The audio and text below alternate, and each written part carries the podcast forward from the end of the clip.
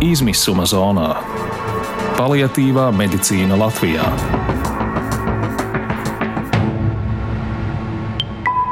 Īstenības izteiksme 15 minūtēs. Tā kā mums nozīmēja doktors, ka mums ir trīs šlicis. Tā stāsta Larisa Jefrēmova, kura mani silti un laipni uzņēma ciemos. Nevar tik viegli dabūt to ēdamo. Nu, ot, tur tagad mēs sēdēsim un runāsim. Parasti es no rīta ņēmu tēju un sēdu, jo viņa vēl guļoša. Istabā labsirdīgu smaidu man velta arī viņas 65 gadus vecā māma Ņina. Mammai progresējušās slimības dēļ dzīve bez pārtikas enterālai barošanai nav iedomājama. Tas ir speciāls medicīnisks uzturs, kurā koncentrētā veidā iekļautas visas nepieciešamās uzturvielas un vitamīni. Šo barošanas veidu izmanto, ja pacients nespēj uzņemt pārtiku caur muti. Tā, es pabeidzu barot. Tagad man vajag ūdeni. Tam ūdenim vajadzētu būt varītam, jo nevar būt tā kā ūdens, kas nopērkams veikalā. Ūdeni jābūt varītam, jo viņi jūt par to nezinu kā, bet viņi jūt, ka viņai slikti ir. Šis ir raidījums īstenības izteiksme, un to veidojas Linda Zalāne. No tā cilvēki nomirst, ka viņi nevar norīt kaut ko un atklepoties. Nākamais solis viņai tas, tas ir nu, šausmīgi. Es uztraucos par to, ka es nevarēšu viņai palīdzēt. Bet, nu, Mūsu sarunas laikā Lārija ik pa laikam palīdz mammai. Viņa guļ turpat rokas stiepienā attālumā, un mūsu sarunā vien noklausās, jo parunāt vairs nespēja. Māma savas vajadzības nosūta ar SMS palīdzību, kā arī mirkšķina ar acīm, ja kaut kam piekrīt.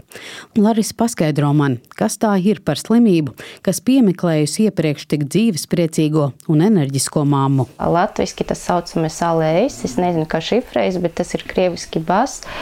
Tas ir tāda progresējuša, ļoti smaga slimība. Nu, viņš vispirms nevar runāt, viņš nevarēšot staigāt, kustēties ar rokām. Pēdējā tāda brīža ir tā, ka cilvēks pats nevarēšot elpot. Māma ar šo slimību sirgst jau otro gadu. Slimība progresē, un līdz ar to par 180 grādiem apgriezusies arī Larisas dzīve. Lielākais šoks bija, kad uzzināja, ka speciālā pārtika, kas nepieciešama enterālai barošanai, būs jāpērk pašai. Es viņam teicu, jūs iedomājaties, tas ir 300 eiro mēnesī mēnesi, kā var to vispār ēšana 300 eiro. Viņa teica, mēs neko nevaram darīt. Jums jāiet šo ēdam, nekā nevaram palīdzēt. Bet saku, valsts palīdz, nē, valsts neapmaksā.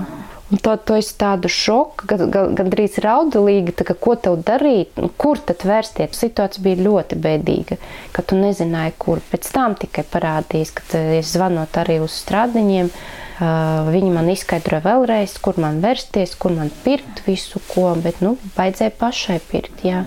Nu, grūti bija tur katru nedēļu, es pa nedēļam pirku kaut kā, kā vai pat uz divām nedēļām izšķirties no naudām ja потом поменяю. Pusgadu Laris šo vezumu vilka pati. Pēc tam sāka interesēties, vai tomēr pastāv kāda iespēja saņemt finansiālu atbalstu. No valsts institūcijām saņēma vienu atteikumu pēc otra. Nācis vērsties uz Iedot LV, lai prasītu viņam palīdzību, un viņi man palīdzēja. Tagad jums ir garantēta pārtika. Tagad man ir garantēta pārtika. Man nav jāuztraucas, ka tas, ja es pasūtīšu aptieku, tas nu, varbūt kādu iemeslu dēļ laicīgi neatvedīs. Ja kādi šķērsli, tur vēl kaut kas man uz iedotu, vēl, vēl pazvan un paprasa, vai jums ir atvesta pārtika, vai viss ir kārtība. Tas priecina, ka ir tādi cilvēki. Un ka ir tāda situācija mums, tā kā Latvija, ka kaut kas rūpējas, bet žēl, ka tas nav valsts. Uz sliekšņa, kad jāsāk pašam finansiāli rūpēties par enteriālās pārtikas iegādi dēlam, samērā nesen nonāca arī Aldis Lešīnskis. Viņa dēlam Artim veselības problēmas sākās divu gadu vecumā, kad bija pirmā lēkme. Aldis stāsta, kā pa šiem gadiem slimība attīstījusies. Pēkšņi naktī uzkāpa temperatūra 40 grādi un bija vairāk pat bija un, un sākās uh, krampji visam ķermenim. Kamēr izsauca ātrā palīdzību. Toreiz diezgan bija baigo nokavēšanās, viņi atbrauc. Un, kamēr tikām līdz Rīgai, tikmēr mums bija iestājusies klīniskā nāve. Tad mēs pirmo reizi tur dabūjām apakaļ uz sliedēm un, un izķeprojāmies to visu. Un tad nākošā tāda liekmība bija tāda vieglākā formā, bija četru gadu vecumā. Un tad mēs sākām izmeklēt uh, to slimību, kāda varētu būt. Astoņas gadus mēs, kamēr dabūjām to diagnozi, noteicām.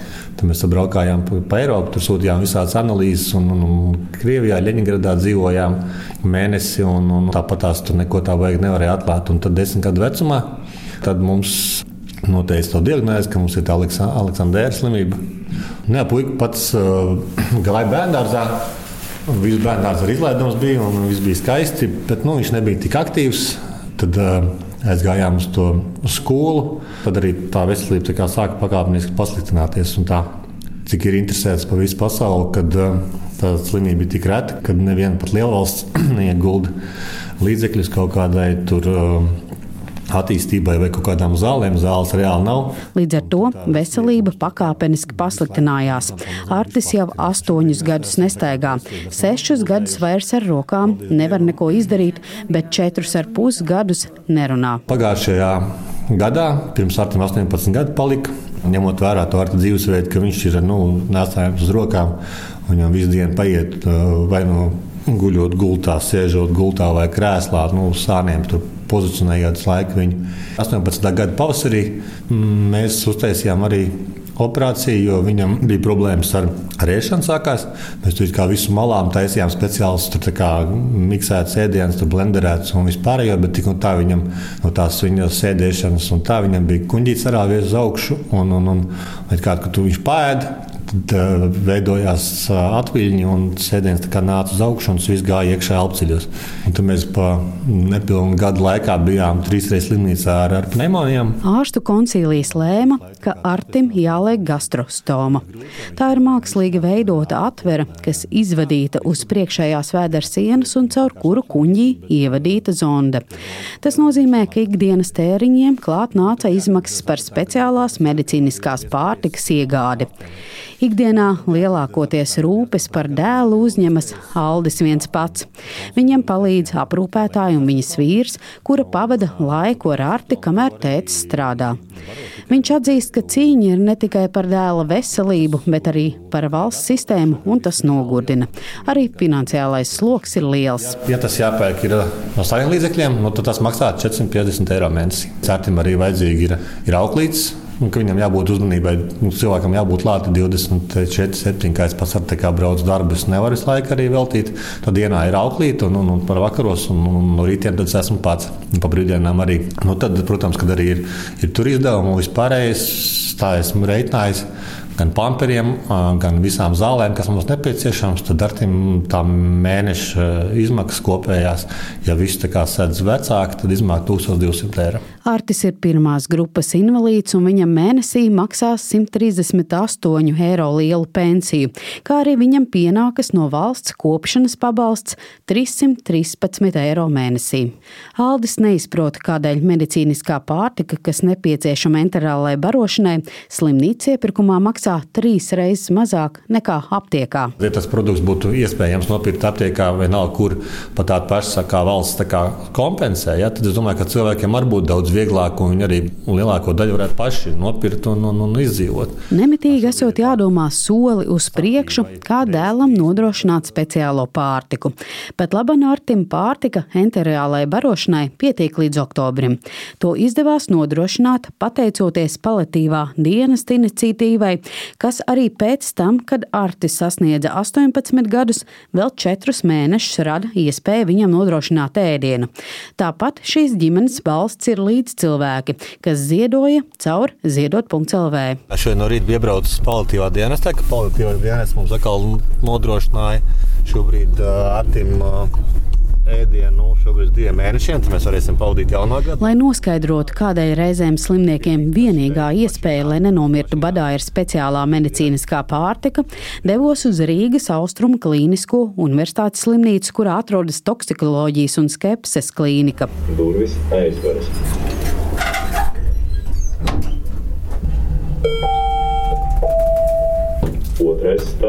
Klīnikas vadītājs Oļegs Šuba izvedā pārsniecības iestādi un izrāda, cik daudz un dažādi maisījumi enteriālajai un parenteriālajai barošanai ir pieejami. Tā, tagad mēs iesim māsu postenī. Parenterālā pārtika cilvēka organismā tiek ievadīta caur vēnu, bet enterālā caur kuģa zarnu traktu. Reizēm tiek kombinēta parenterālā barošana ar enterālo. Tā ir tā, tā saucamā parenterālais barošanas maisījums.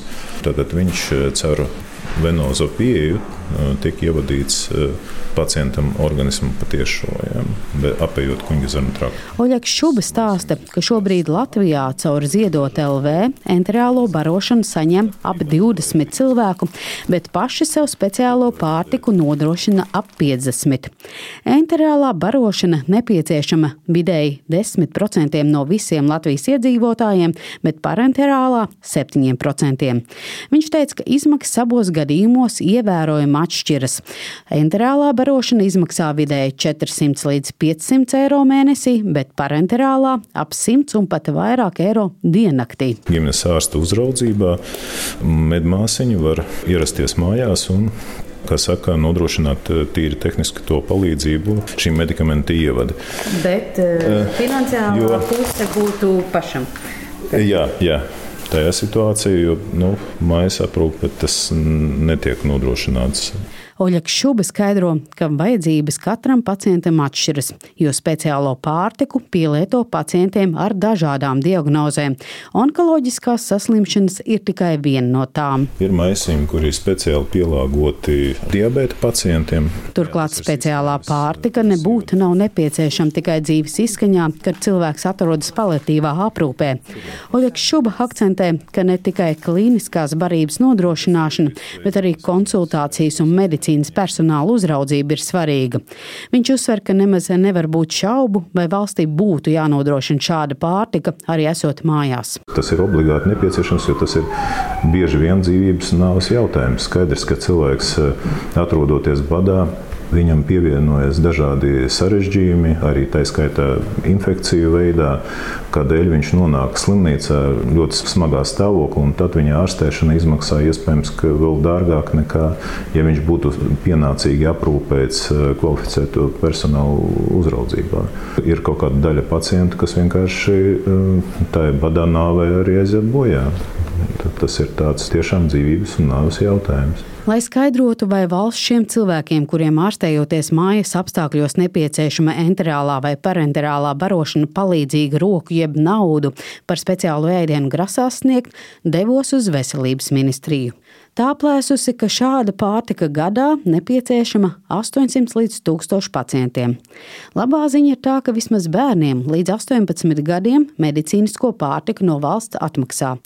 Turpina Veselības ministrijas ārstniecības kvalitātes nodeļas vadītāja Sanita Janka. Lai nodrošinātu šo pārtiku, teiksim, gadā vidēji ambulatoriju mājas apstākļos ir vajadzīgi 667 tūkstoši katru gadu lai stacionārā enterālo un parenterālo barošanu nodrošinātu, ir apmēram 542 tūkstoši. Lielā problēma ir tas, ka nu, šī pārtika nav pieejama pa valsts budžeta līdzekļiem pieaugušiem izrakstoties no stacionāra. Un... Sanita Janka sola, ka veselības ministrija meklēs iespēju šiem pacientiem pārtiku apmaksāt, jo viņiem nav citu iespēju, kā pārtiku uzņemt. Ja viss izdosies un būs tā, kā mēs esam iecerējuši, tad tas varētu būt nākošā gada vidus. Bet nu, tas ir tāds